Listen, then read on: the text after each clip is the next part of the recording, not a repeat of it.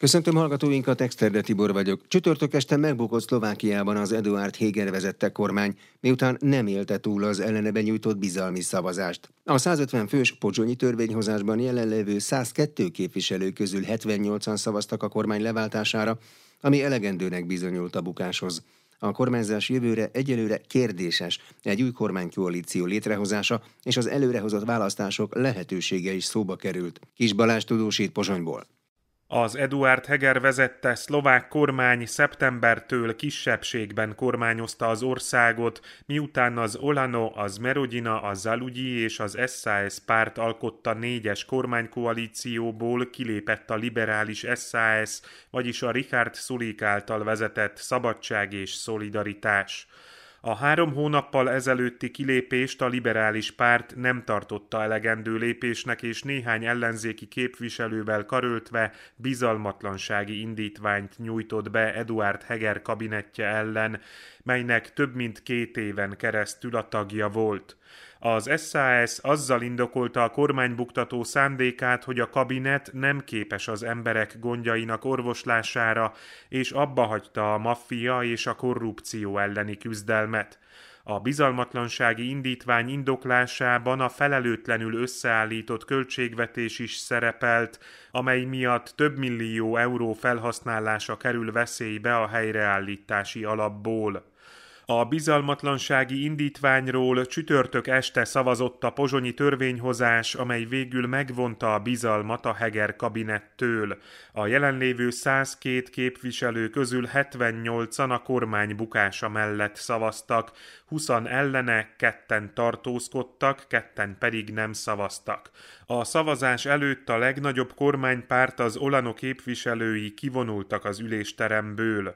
A voksolást, melyet eredetileg két nappal korábban kedden szerettek volna megtartani, több a háttérben zajló egyeztetés is megelőzte. Ezek kicsúcsosodása volt, hogy csütörtökön délelőtt Igor Matovics pénzügyminiszter felajánlotta a lemondását, de emellé feltételeket is támasztott. Cserébe azt várta az őt leghangosabban bíráló liberálisoktól, hogy vonják vissza a kormány elleni bizalmatlansági indítványukat, és támogassák a 2023-as költségvetés tervezetét. Az SAS azonban nem fogadta el Igor Matovics ajánlatát. A párt közölte, elutasítja a további politikai játszadozást, és a kormányt vissza kell hívni. Ez végül be is következett. A parlamenti szavazás eredményére reagálva Eduard Heger miniszterelnök kijelentette, a voksolás egyértelműen megmutatta, hogy a kormány nem függ a fasiszták és szélsőségesek szavazataitól. Sajnálom, hogy az SAS-nek egy demokratikus, korrupció ellenes és reformpárti kormányt kellett megbuktatnia ahhoz, hogy erről meggyőződjön, mondta Heger a csütörtök esti sajtótájékoztatóján. Ezzel arra utalt, hogy a liberálisok többször is azzal vádolták a szeptember óta kisebbségben kormányzó kabinetet, hogy az ellenzék pacsoraiban helyet foglaló szélső jobboldali képviselők voksaira támaszkodva hagyatott jóvá néhány javaslatot a parlamentben. A miniszterelnök biztosította a lakosságot, hogy a kormány a mandátuma utolsó percéig segíteni fogja az embereket, és átsegíti őket az energiaválságon. Eduard Heger szerint Richard Suliknak az SAS elnökének kell feltenni azt a kérdést, hogy alakul-e új koalíció 76 parlamenti képviselővel, vagy előrehozott választás lesz. Hozzátette, a Robert Fico vezette ellenzéki Smer és a Peter Pellegrini irányította Hlas párt minél gyorsabban előrehozott választást akar majd, mert vissza akarnak térni a hatalomba és elhallgattatni Szlovákiában az igazságszolgáltatást. Elkészült az Európai Unió újabb, kilencedik szankciós csomagja Oroszország ellen. Az EU fél évvel meghosszabbítja az eddigi büntető intézkedéseket, újabb neveket és intézményeket vesz fel a tiltó listára, illetve a drón technológiával kapcsolatban is korlátozásokat vezet be. A magyar kormány több kivételt is elérte az uniós támogatásokért, cserébe viszont néhány fontos engedményt is tett, ahogyan a lengyelek is lemondtak a vétóról. Herceg Zsolt összefoglalója.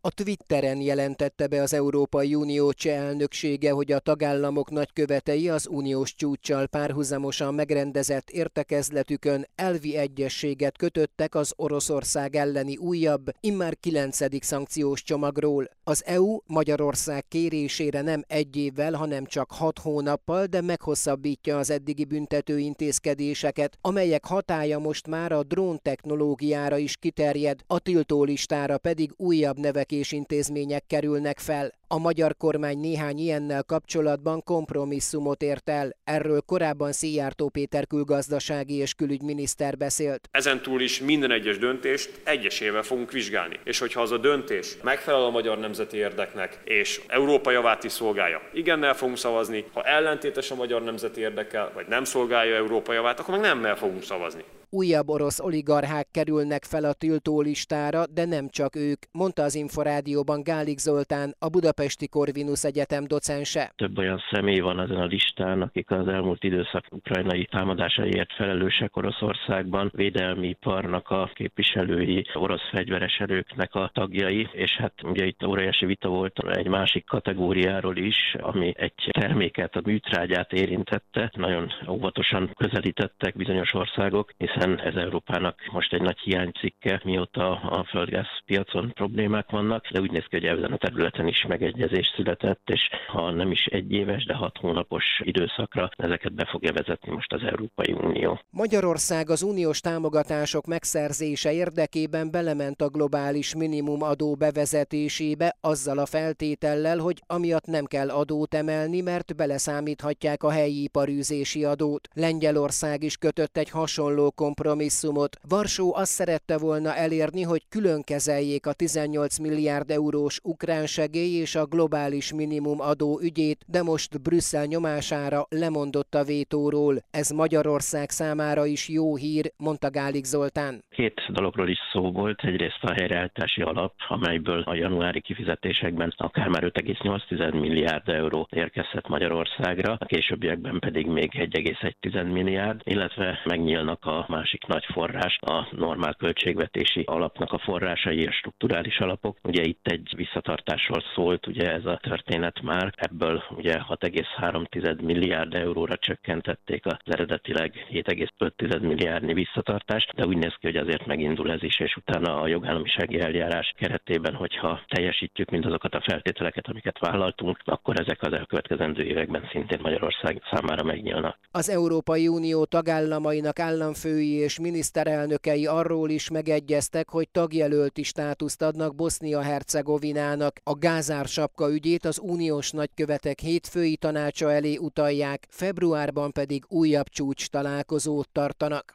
Herceg Zsolt, Inforádió 88,1 az ukrán parlament új törvényt fogadott el kedden a nemzeti kisebbségekről, hatályon kívül helyezve a korábbit. Az Ukrajnai Magyar Demokrata Szövetség elnöke szerint azonban nem történt érdemi előrelépés a kisebbségi nyelvhasználat ügyében.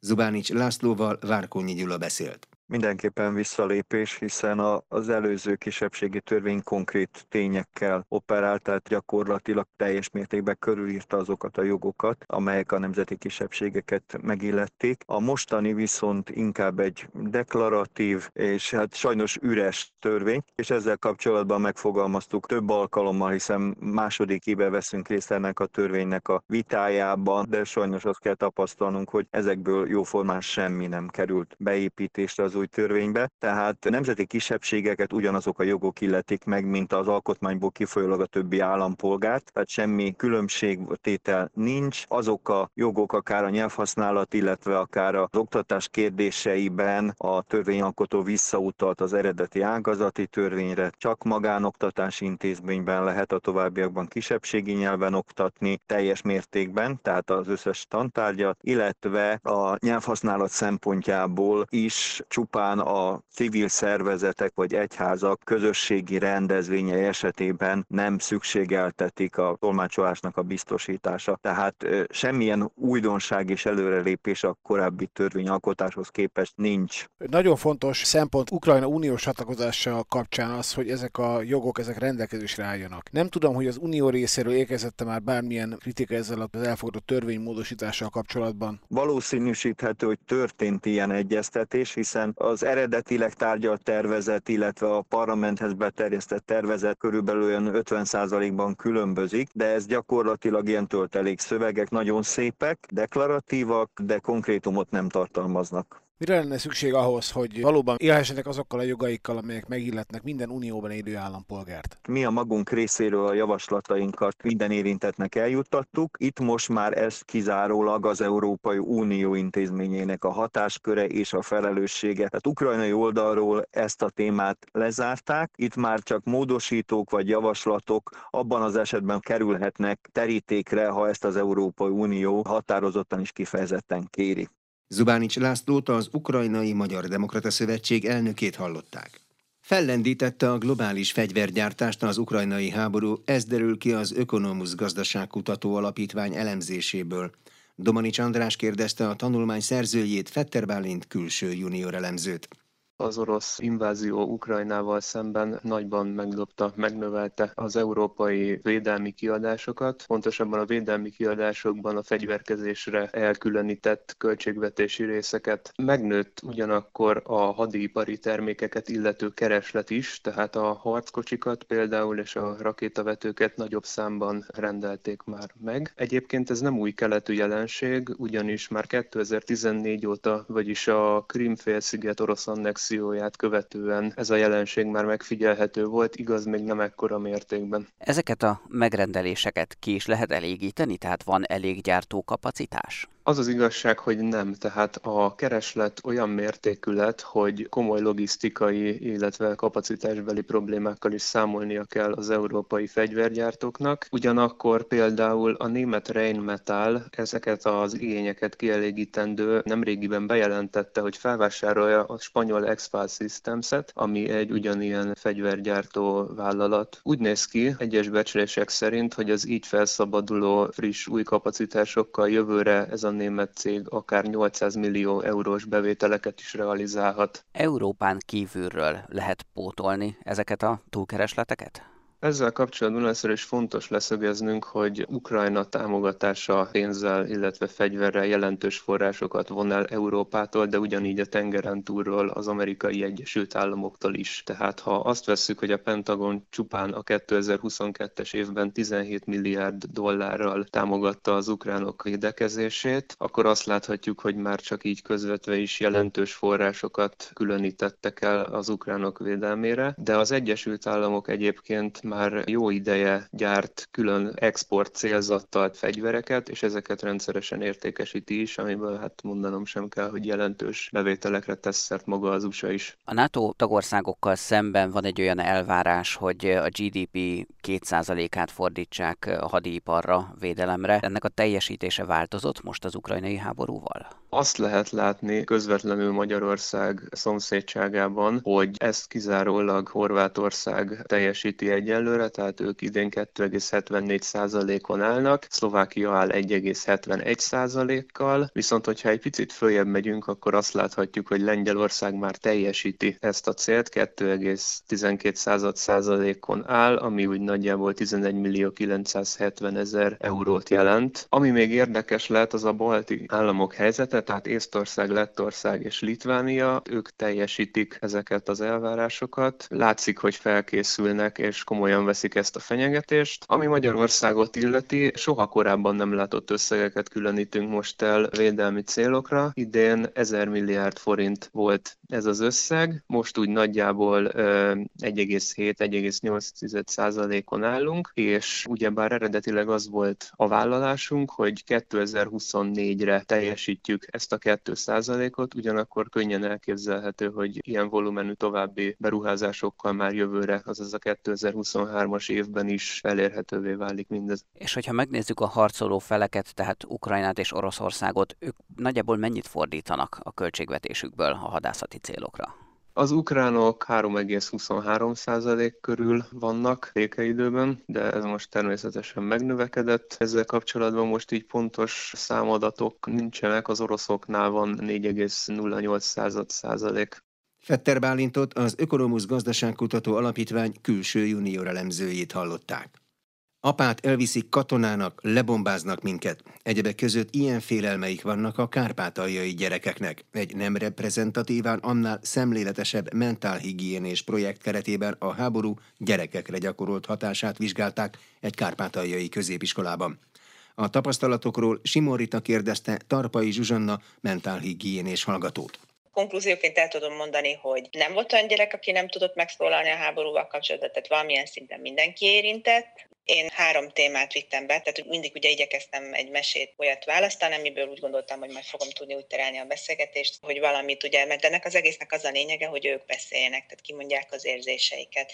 Az volt számomra megdöbbentő, hogy én nagyon izgultam, hogy jó, hozok mesét, amiről asszociálhatnak a témára, de hogy fogom én ráterelni a szót, hogy, hogy sikerüljön majd, hogy tényleg beszélgetni, és gyakorlatilag semmit nem kellett csinálnom, hanem jött magától, mert csak annyit mondtam, hogy na hát mennyi baj volt ebben az országban, ebben a mesében. És akkor rögtön mondták, úgy, mint nálunk. És akkor mert miért? Mert háború. És tehát ezt mondom, hogy annyira benne van a gyerekeknek a zsigeri szinten a gondolkodásában, tehát hogy ők mindent átvesznek. Az első kapcsán arról beszélgetünk, hogy hogyan érinti őket a háború, ezzel kapcsolatban volt szerintem a legtöbb megnyilvánulás.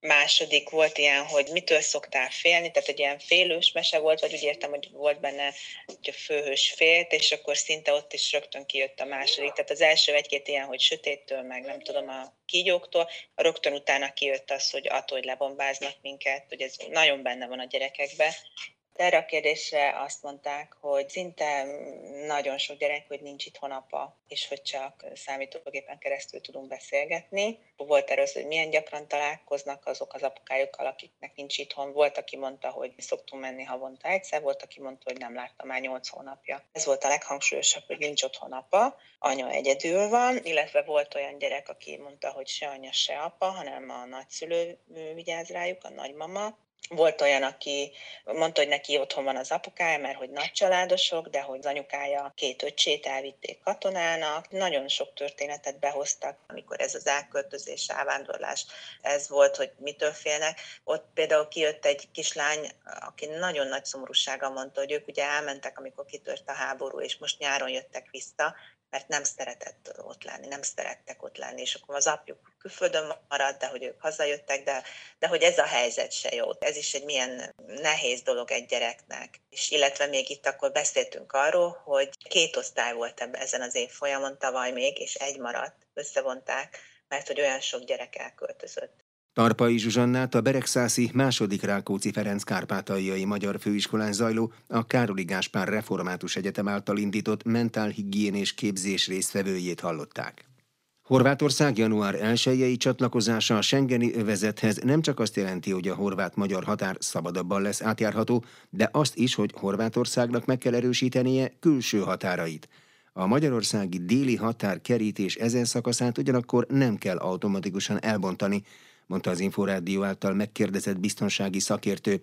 Kis Benedek József nyugállományú ezredessel Domani Csandrás beszélt hogy Horvátország csatlakozik a Schengeni megállapodáshoz, az azt jelenti, hogy kifelé az Európai Unió határát most már ezen a területen Horvátország őrzi, tehát gondolok itt arra a határra, amely Szerbia irányába, vagy Bosznia-Hercegovina irányában, illetve délfelé most már Albánia felé is van összekötetés, tehát ezekért a határokért és az ezeken történő forgalomért természetesen Horvátország felelős. A magyar-horvát határ nyitott lesz, tehát az azt jelenti, hogy ha a magyar állampolgárok mennek Horvátországba nyaralni, akkor nem nem kell megállni a határon. És még egy dolgot szeretnék megegyezni, ugye Szlovénia is bele tartozik ebbe a zónába, tehát az azt jelenti, hogy a szlovén, illetve a horvát határ is szabad lesz. Nem véletlen az, hogy Szlovénia például a kerítést korábban lebontotta Horvátország irányában. Ebbe benne volt az, hogy ők tudták azt, hogy Horvátország csatlakozását nagy eséllyel elfogadja az Európai Unió közösség, és ez meg is történt. Ettől függetlenül lehet határellenőrzés a horvát-magyar határon? Mint minden országnak, így Horvátországnak is és Magyarországnak is lehetősége van, hogy bizonyos alkalmakkor, mondjuk például történik valami nemzetközi sportesemény például,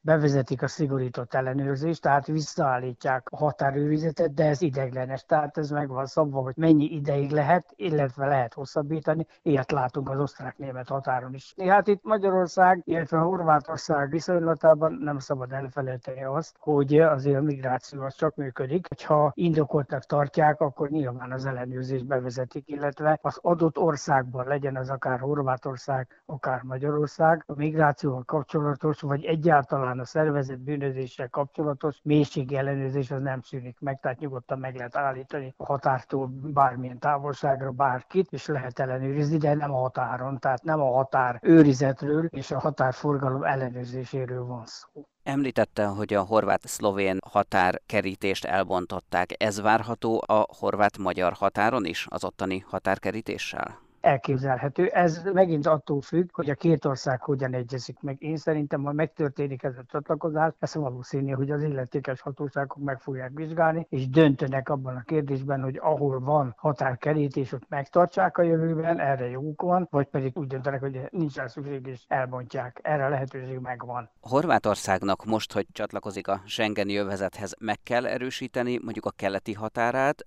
vagy pedig már a csatlakozással a határvédelme rendben van? Meg kell erősíteni, mert az Európai Unió külső határát védik, tehát nekik azokban az irányokban, amelyek nem Schengeni ország felé mennek, ott meg kell erősíteni határőrizetet, és tulajdonképpen a Schengeni határt védik. Ez a védelem a gyakorlatban mit jelenthet? Hát ez azt jelenti, hogy több határőrt tesznek oda, technikai eszközöket telepítenek, kamerákat telepítenek, mélységi ellenőrzést alkalmazzák sűrűbben is gyakrabban, ami azt jelenti, hogy jobban odafigyelnek a határon történő mozgásra minden szempontból. Hát olyan borzalmas nagy ellenőrzések azért mostanában nincsenek, de Schengeni zónának megvan a maga szabálya, hogy hogyan kell a határokat őrizni, illetve az Európai Unión belül a nem Schengeni, tehát a külső határok őrizete szintén elő van írva, hogy milyen követelményeknek kell megfelelni. Tehát mindenki mindenképpen szigorúbban kell ellenőrizni. Hát a többi helyen meg nincs ellenőrzés. Kis Benedek József biztonsági szakértőt hallották. Az elmúlt fél órában az Inforádió heti külpolitikai összefoglalóját hallották. Köszönöm a figyelmüket, Lexter Tibor vagyok.